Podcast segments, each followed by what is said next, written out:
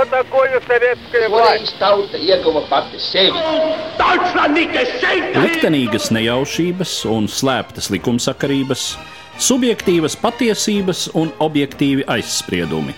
Pēc atkušņa nekad nenāk uzreiz pavasars, bet sākās Arī šodien cilvēki ir ļoti tuvredzīgi. Viņi redz to naudu, kas ir Televīzijā jau pamatā notiek cīņa par varu. Pagātne no šodienas skatu punkta un šodienas caur pagātnes prizmu. Raidījumā šīs dienas acīm. Katru svētdienu Latvijas radio eterā Eduards Liniņš. Labdien, cienījamie klausītāji! Šajās dienās aprit 80. gadsimta baisākajam slaktiņam Latvijas pēdējo gadsimtu vēsturē. Apmēram 25,000 Latvijas ebreju iznīcināšanai divās masu slepkavošanas akcijās Rumbulā 1941. gada 30. novembrī un 8. decembrī, ko veica nacistu okupācijas vara. Holokausta tēmai Latvijā esmu pievērsies vairāk kārt savos raidījumos, un šo sarunu fragmentus šodien piedāvāju jūsu uzmanībai. Vispirms vēsturnieka un holokaustā izdzīvojušā Latvijas ebreja Marģera Vestermaņa stāstītais. Ebreji, kas bija tikai 4,8% Latvijas iedzīvotāji, maksāja 25% visu Latvijas valsts iekasēto nodokļu. Un rezultāts bija tāds, ka Ulmanis to formulēja pēc 34. gada 15. maija. Mēs esam iekarojuši politisko varu, tā zeme ir mūsu, bet saimniecība atrodas pārsvarā sveštautiešu rokās. Es gribētu šeit pievērst uzmanību šim formulējumam, nevis citi tautieši, kā tas līdz šim bija teikts, bet sveši tautieši. Ar to sākās tas liktenīgais process, kad formāli pēc atversmes visi Latvijas pilsoņi ir Latvijas tautas daļa, bet tā Latvijas tautas daļa, kas nav latvieši, tie ir sveši tautieši. Kaut arī jāuzsver, ka Ulmans nav bijis nekāds antisemīts. Viņš arī ļoti pozitīvi izturējās pret cionistisko kustību. Un es gribētu vēl šeit uzsvērt, ka Ulmaņa valdība un personīgi Ulmans bija vienīgais Eiropā, kas bija ar mieru 38. 39. gadā uzņemt kaut simtus, un kopā tas ir pār par tūkstoši ebreju bēgļi no Vācijas, no Vācu okupētās Austrijas, no Čehoslovākijas. Tas bija tiešām humāns, cilvēcisks žests, kura Latvijas pirmā brīvvalsts var lepoties. Bet no otras puses, lūk, šis pārmērīgi hipertrofētais nacionālisms veicināja traģisko notikumu norisi. Jau toreiz, Ulmana laikā, pazīstamo dziesmu. Pārfrāzēja metiet tīklus Daugavā, kam par metiet žīdus Daugavā. Nu, taču visi zina. Nu, toreiz neviens jau tā tik nopietni to neuzņēma. Nav, no, jā, nepatiku. Kas to būtu varējis iedomāties? Paies tikai daži gadi, un tā kļūs par realitāti. Par antisemītiskā noskaņojuma pieaugumu Latvijā turpina vēsturnieks Latvijas Universitātes Latvijas Vēstures institūta pētnieks Artūrs Žvinklis. Situācija krasi mainījās 1940. gadā ar padomju varas ienākšanu Latvijā, ar ievērojamu antisemītisma pieaugumu. Var pat teikt, ka pilnīgi reāli, kad šeit strādāja nacistiskās Vācijas aģentūra, pacentās attiecīgi, lai to arī uzkurinātu un noformulētu, veidojās mīts par ebrejiem kā īpašiem padomju varas atbalstītājiem, padomju represiju veicējiem, čekas spīdzinātājiem, jau ar pirmo brīdi, kad šeit sāk izdot vai šeit sāk pienākt kāda prese, kāds drukāts vārds latviešu valodā, tas ir būtībā jau piesātināts ar klaju naidu pret ebrejiem. Parādījās gan vienreizējs izdevums ar nosaukumu Brīvā zeme atbilstoši viss, kā tas bija Kārļa Ulmaņa laikā, kā ilūzija, ka nu, atzīst Latvijas valsts, bet saturs ir pavisam cits. Jau no pirmajiem vārdiem ir sekojošie teksts no bolševisma un žīdisma bandām beidzot brīvi. Un pēc tam, kad sāk iznākt gan avīze tēvija, gan kurzemes vārds, no numura uz numuru naida kurināšana pret ebrejiem tiek eskalēta gan rakstu skaita ziņā, gan izdomājumu skaita ziņā. Visfantastiskākie stāsti par eh, it kā notikušajiem ebreju briesmu darbiem, kuri bijuši vērsti pret latviešiem. Tomēr arī šajā nacistiskajā, nacificētajā presē parādās arī daži momenti, kas liecina, ka tautas uzskati atšķiras no tā, ko sev vēlas panākt režīms parasti šādas totalitāras varas prese, gan padomju piemērs, gan nacistu piemērs, ja gadījumi ir atsevišķi varai nevēlami, tos cenšas noklusēt, par tiem cenšas nerakstīt. Tad šai gadījumā prese neklusē un raksta un nosoda latviešus tā saucamos, kā toreiz rakstīja, žīdu žēlotājus. Tas ir tos latviešus, kas cilvēcību nebija pazaudējuši, un spriežot pēc šīm daudzajām, daudzajām publikācijām, gan tēvijā, gan provinces presē, ar konkrētiem piemēriem piemēriem, kad eh, kāds latviešu pārdevējs ir atļāvies pārdot kaut ko ebrejam. Šādi gadījumi jau liecina, ka eh, cilvēcība tauta savos pamatos zaudējusi nav. Katrā ziņā es gribētu teikt, ka šī kustība ir bijusi tomēr samērā plaša. Un eh, tādi fenomenāli gadījumi kā Žants Lipke un tam līdzīgi, kad tiek glābti desmitiem cilvēku, pelnījuši ne tikai viņas pieminētu. Marģeris Vestermanis turpina par to, kā attīstījās notikumi 1941. gada vasarā. Vēl pirms Vācu armijas ienākšanas Rīgā, 1.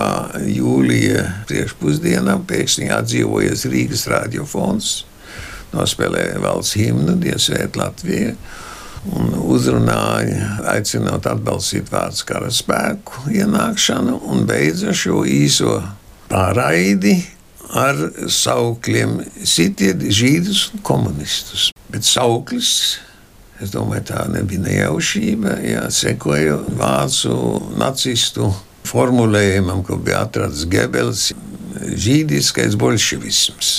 Tad, tad viss, ko dara padomu vāra, tas ir e, saistīts ar ebrejiem. Un neskatoties uz to, nekas vēl nenotika. Nu, ir tikai zināms viens vienīgs gadījums Limbažos, kam bija drīzāk e, krimināls raksturs, kur viena ebreja vecāka pāri, zobārs pāri un iebruka dzīvoklī, aizved uz meža nošāvu. Vācu rīkojumos nekas nebija teikts par to, ka ebreji tiks iznīcināti. Bija runa tikai par to, ka ebreji nedrīkst mainīt savu dzīves vietu.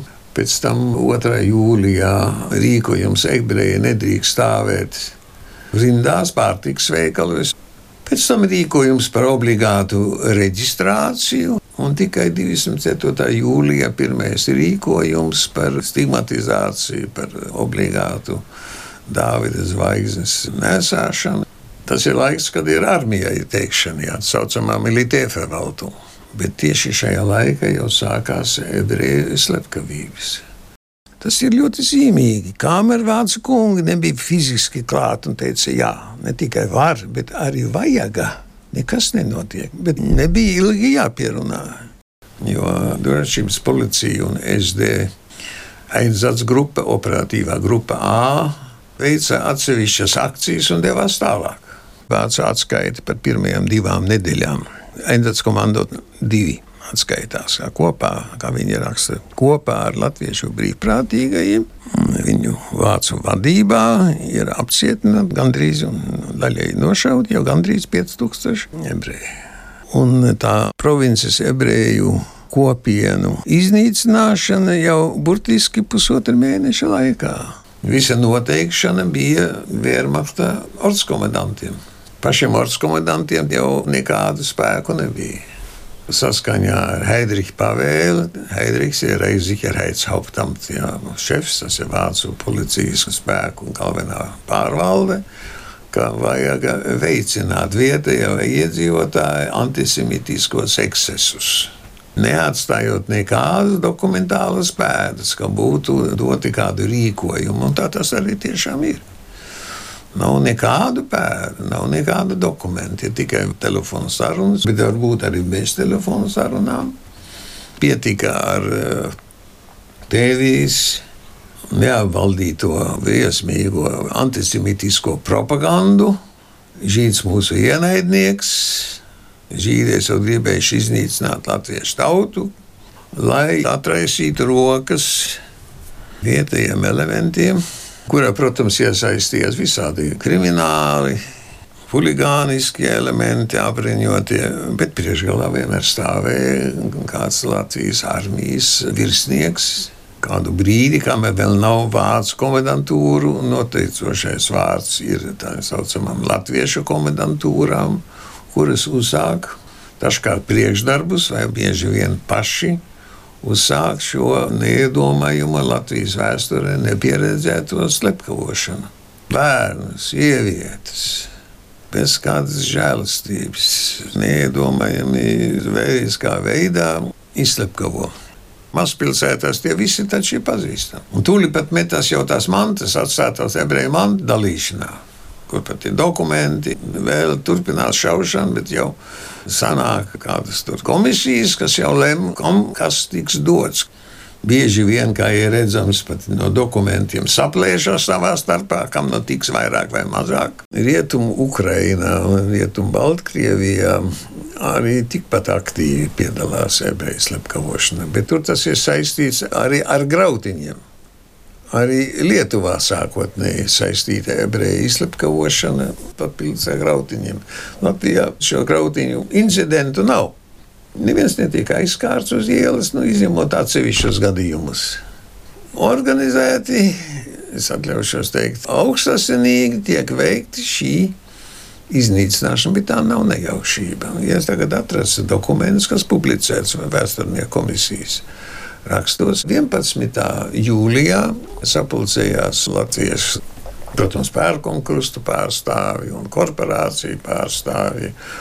Un komersantu, rūpnieku aprindas, baznīcas pārstāvji, evanģēliskā Lutāņu baznīca ar arhibīskaps Grīmbergs ir klāts un bīskaps Bergs ir klāts, kuri paraksta apsveikumu Hitleram kā latviešu tautas pateicības rakstu, kurai ir izvirzīta arī lūgums saglabāt zināmu autonomiju, atļaut piedalīties cīņā pret bolševismu. 13 punkti.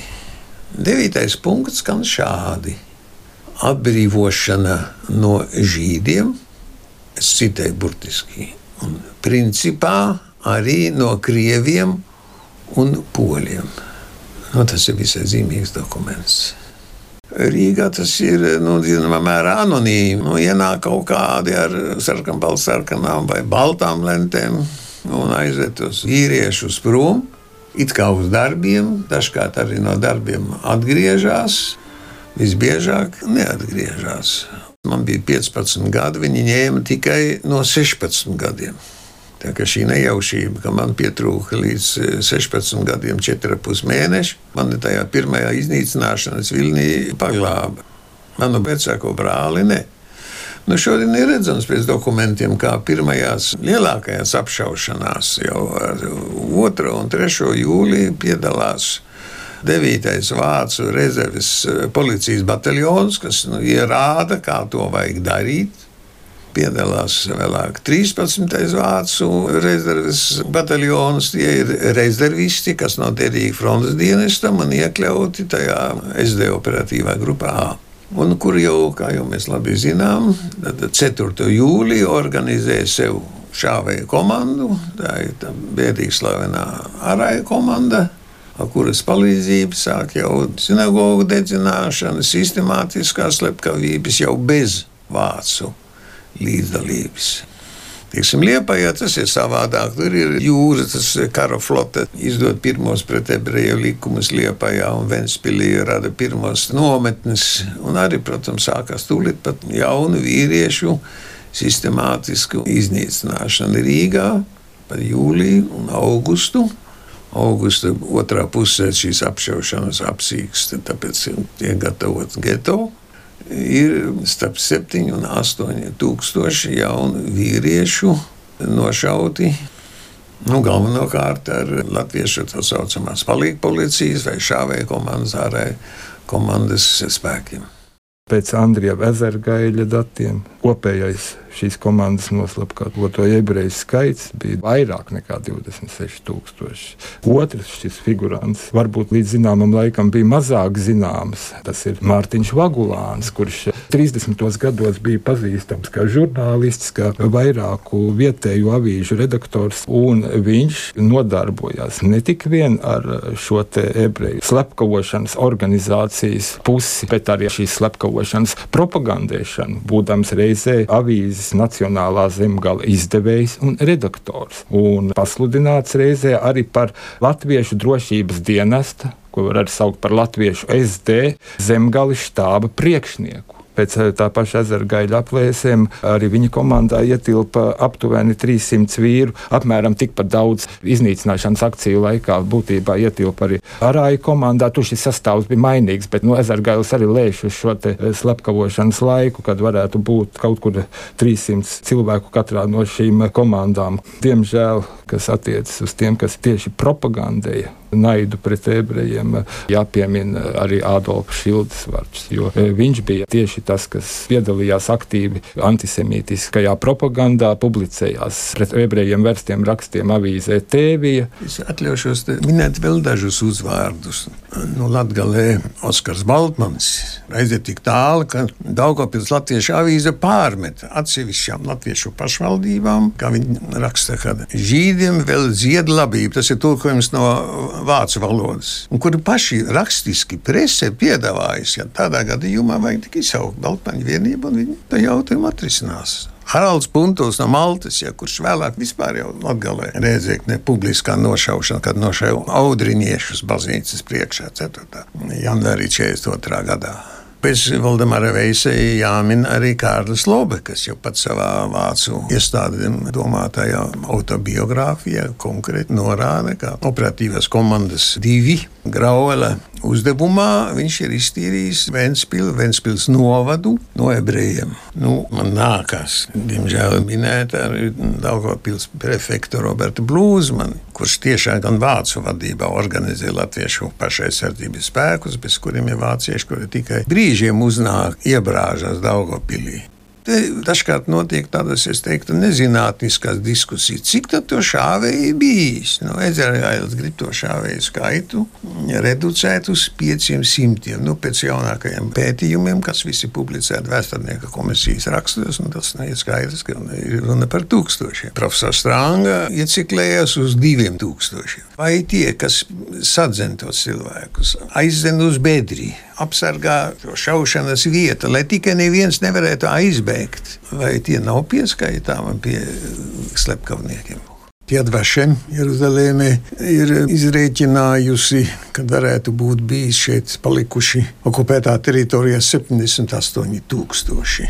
Vācieši sāka reģistrēt ar jūlija 5-6 datumu. Province vēlāk, uz šo laiku jau vairāki tūkstoši jau bija noslepkavot, un viņi fiksē kad e, jūlijā otrā pusē ir Latvijā palikuši 70 tūkstoši, un tur ir piebilde, ka bija vairāk.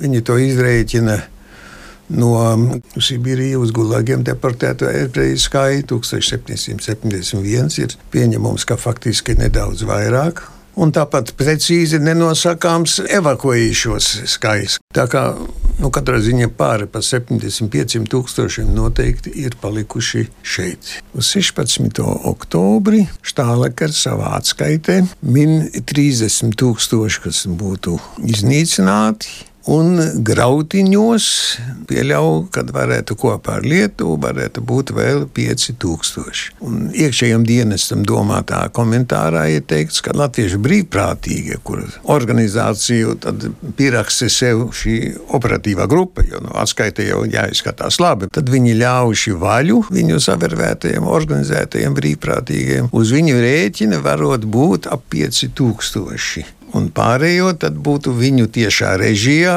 bet ne ar viņu spēkiem. Tā ir puse Latvijā palikušo ebreju. Tas ir tas sāpīgākais periods holokaustā.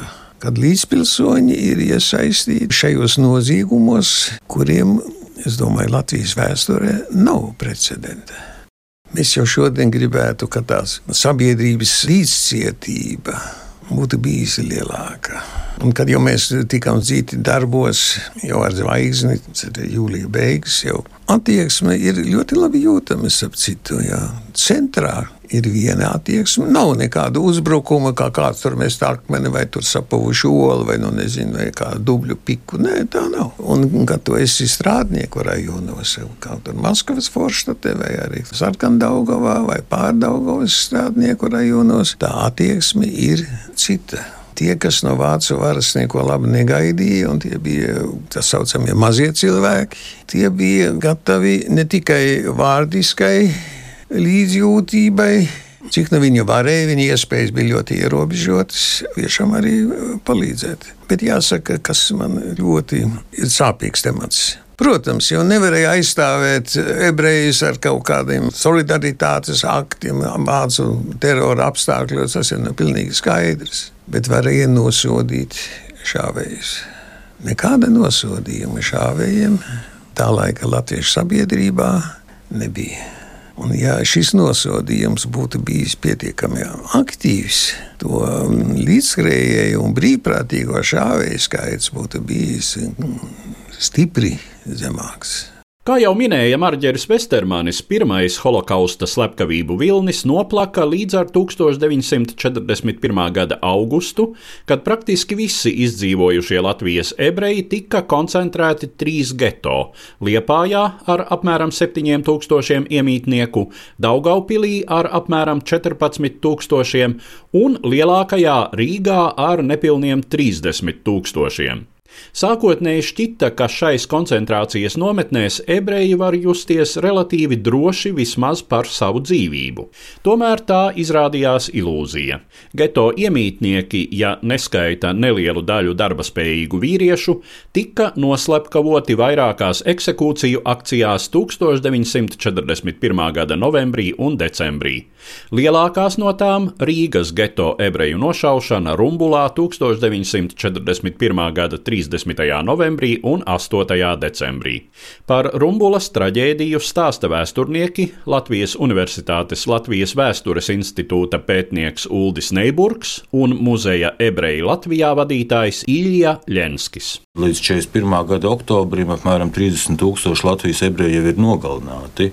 Taču Berlīnē tas ir Reichsfīrers Himmlers un arī citas vadošās personas, kā Heidrichs, kas lielā mērā ir atbildīgs par ebreju iznīcināšanu, nav apmierināts ar šiem tempiem. Un arī zināmā mērā varbūt ar Štāleka darbību tur ir zināms pretrunas ar dažādām struktūrām. Un tāpēc uz Latviju tiek atsaukts SS Obergruppenfīrers Friedrichs Iekelns, kurš tiek iecelts par augstāko SS un policijas vadītāju Ostlandē un Ziemeļkrievijā. Un viņam ir pieredze, tā, tā, tā ir Ukraina, tā ir Kamiņas Padoļska, tas ir Babija Jara. Babija Jarā arī vairāk kā 30 tūkstoši cilvēku iznīcināti divās dienās. Viņam tiek uzlikts par pienākumu, kā to viņš pats arī vēlāk liecina. Viņš rāda piemēru, kā tās lietas ir jādara. Un rezultāts ir rumbula, 25,000 cilvēku divās dienās tiek iznīcināti. Viss iesākās ar to, ka 12. novembrī Iekelns tiek izsaukts no Ukrainas uz Berlīni, un viņam tiek uzdots likvidēt Rīgas geto ieslodzītos. Un tad viņš pie tā ķerās. Viņš izraudzās vietu. Kaut gan mēs tagad runājam bieži vien par rumbulas mežu, bet toreiz tas bija tāds priedulājs, nu, ne gluži mežs. Viņš liek padomju kara gūstekņiem rakt tās bedres, un 41. gada 29. novembrī sākās jau darbspējīgo vīriešu atdalīšana. Viņiem tiek izveidots speciāls nu, iežogojums, jau darba nometne, faktiski mazais getā. Un faktiski jau 30. novembrī, jau agri no rīta, cilvēkus sāk koncentrēt kolonnās un zīt uz rumbulas meža. Tas jau īstenībā notiek stipri dramatiski, un vienam šiem pašiem cilvēkiem neviens jau nesaka, kur viņus dzīs uz to iznīcināšanu. Bet uh, izplatīja baumas, ka viņus vienkārši pārcēlus uz citu nometni. Pirmos rumbulā iznīcina gandrīz tūkstoši no Berlīnas atvestos ebrejus. Un vēsturnieku vidū ir diskusija. Viens variants ir, ka viņus nemaz nevajadzēja tur iznīcināt, bet kad no Berlīnas nāca telegrāfisks rīkojums, kad viņi jānovieto geto vai kaut kas jādara viņiem tālāk, Un tā viena versija ir, kad vienkārši tas rīkojums nepaspēja pienākt, otra versija, ka Jēkabs viņu zināja, bet negribēja ķēpāties un vienkārši viņu ignorēja. Un īstenībā viss jau ir tā tiešām tik nežēlīgi un brutāli, bet paraugs aplānots, ja tādu vārdu šeit tiek lietots, kad ir dažādas struktūras iesaistītas. Un salīdzinoši, ja 3. novembrī varbūt viena daļa arī to izpildītāju tie, kas bija iesaistīti varbūt tikai konvojēšanā no geto uz Rumbulu, varbūt arī nezināja, kas viņiem būs jādara un kas ar tiem cilvēkiem tālāk notiks. Bet 8. decembrī tas jau bija zināms. Bet var runāt, vai bija iespējas nepiedalīties cilvēku izdzīšanu no mājām vai pulcināšanu kolonās, veids vācu un latviešu SD piedarīgie, tāpat arī vācu dažādas policijas struktūras. Tālāk viņu konvojēšanu uz Rumbulu pamatā komandēja Vācu kārtības policijas piederīgie. Ir katrai kolonai piekomandēti Vācu SD personāla cilvēki, kas uzrauga, kuriem ir pienākums nošaut, un viņi to arī dara. Tātad nošaut atpalikušos, nespējīgos un tie, kas gribētu bēgt. Bet šajā konvojēšanā ir iesaistīti vairāk simt Rīgas kārtības policijas, tātad latviešu policistu no diviem policijas iecirkņiem. Protams, Viktors Arājs, viņam padotie cilvēki nodarbojās ar mantu atņemšanu, kārtības uzraudzīšanu. Viņš tur ir klāts un Rīgas geto apsardze, ko veica 20. Latvijas kārtības dienas bataljons, ko komandēja Alberts Danskops, piedalās cilvēku pulcināšanā, izlikšanā no mājām. Un, ja mēs varam runāt par kārtības policiju, tad augstākais priekšnieks, kas uz to brīdi ir, tas ir pulkvedis Roberts Osis kurš ir atbildīgs par šo policistu nozīmēšanu. Te ir literatūrā dažādas ziņas, kad viņš par to uzzina. Viņš to uzzina tās dienas rītā, viņš uzzina vairākas dienas jau iepriekš un informēts, kas tad notiks. Pamatā šie latviešu policisti, kuriem bija vienkārši jāapsargā ebreji, kas tika dzīti no geto uz rumbulu, lielākā daļa no viņiem nezināja, kas viņiem būs jādara. Un, piemēram, ir viena liecība, kad cilvēkam ir pateikts, ka viņam no rīta jāierodas prefektūrā ka viņš tiks nosūtīts uz Bolderāju, kur ir eh, kaut kādi padomi izpētlēcēji izmesti, kuri indējot akās ūdeni. Tā vietā viņiem tiek pateikts, ka viņiem ir jāpavada ebreji, un ar viņiem tiek pateikts, ka viņi tiks pārvietoti uz citu nometni. Un ir arī citas liecības, kas ir noticis policijas iecirkņos alkohols ir cilvēki to arī pārdzīvojuši un tā tālāk. Un tas arī nav īpaši pētīts. Ja 3. novembrī viņi nezināja, tad 8. decembrī viņi zināja, kas viņiem būs jādara un kas ar tiem cilvēkiem notiks tālāk. Protams, ņemot vērā nacistu okupācijas arī varas bardzību, maz bija tādu, kas varbūt atteicās, kas uzdrošinājās atteikties, piedalīties. Ja runā par tiešo šaušanu, jā, tad ir šī 12 cilvēku šāvēja komanda no Ukrainas. Un atkal ir dažādas versijas. Viens ir, ka viņi vieni paši būtu to šaušanas darbu darījuši. Protams, augstākiem SVSD virsniekiem ar personīgi piedaloties pašam Jekelnam, piemēram, arī šaušanā. Bet vēl ir otra versija, ka tomēr eh, tie cilvēki tika arī nomainīti. Ka nebija tā, ka 12 cilvēki teiksim, nogalināja 12 tūkstošus vienā dienā varbūt mazliet cīniski skan, bet tas darbiņš jau nebija tik viegls viņiem. Tāpat tur alkohols tika lietots un precizitāte samazinājās. Ilja Lenskis piebilst par Latvijas sabiedrības attieksmi pret ebreju iznīcināšanu. Zentas Mauriņas autobiogrāfiskajā romānā Dzelzceļš bija viņa lūst. Viņa tur atcerās kādu savu sarunu ar kādu vārdā nenosauktu latviešu inteliģences pārstāvi pēc Rumbulas. Un tas viņas sarunbiedrs saka, ka ka Anglija un Amerika neko nebija teikuši par Latvijas okupāciju. Kāpēc tad jūs tagad tā uztraucaties par žīdu apšaušanu? Tā ir drausmīga lieta, mums varētu likties. Bet viņi vienkārši piefiksē kādu savu sarunu biedru nostāju. Un diez vai šīs cilvēks būtu kāds baigi asinskārs vai kāds baigais antisemīts. Nu, vēl kaut kas notika. Nu, ir karš, ziniet, Kara laikā karā, kā jau karā. Jā, karā, kā jau karā. Ziniet, kara laikā nav maizes un kara laikā šauj cilvēkus tā ir šausmīgā lieta. Manā izpratnē būtu daudz šausmīgāk nekā, teiksim, ja Latvijā būtu kaut kāds konsekventais un agresīvais antisemītisms, kā tas bija piemēram Rumānijā. Un tas vainagotos ar cilvēku iznīcināšanu, tad tas, tas būtu saprotams.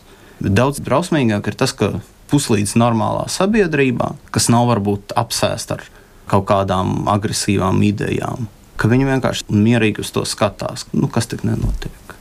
Līdz ar to izskan mūsu raidījums, kurā pievērsāmies Latvijas ebreju kopienas bojājai holokaustā 1941. gada otrajā pusē. Dzirdējāt vēsturniekus muzeja ebreju Latvijā vadītāju Ilju Ļenski, Latvijas Universitātes Latvijas Vēstures institūta pētniekus Uldi Neiburgu un Artūru Žvinkli un vienu no nedaudzajiem holokaustu pārdzīvojušiem Latvijas ebrejiem - vēsturnieku Marģeri Vestermani. Uz redzēšanos, cienījamie klausītāji! Katru svētdienu Latvijas radio viens par pagātni sarunājas Eduards Līniju.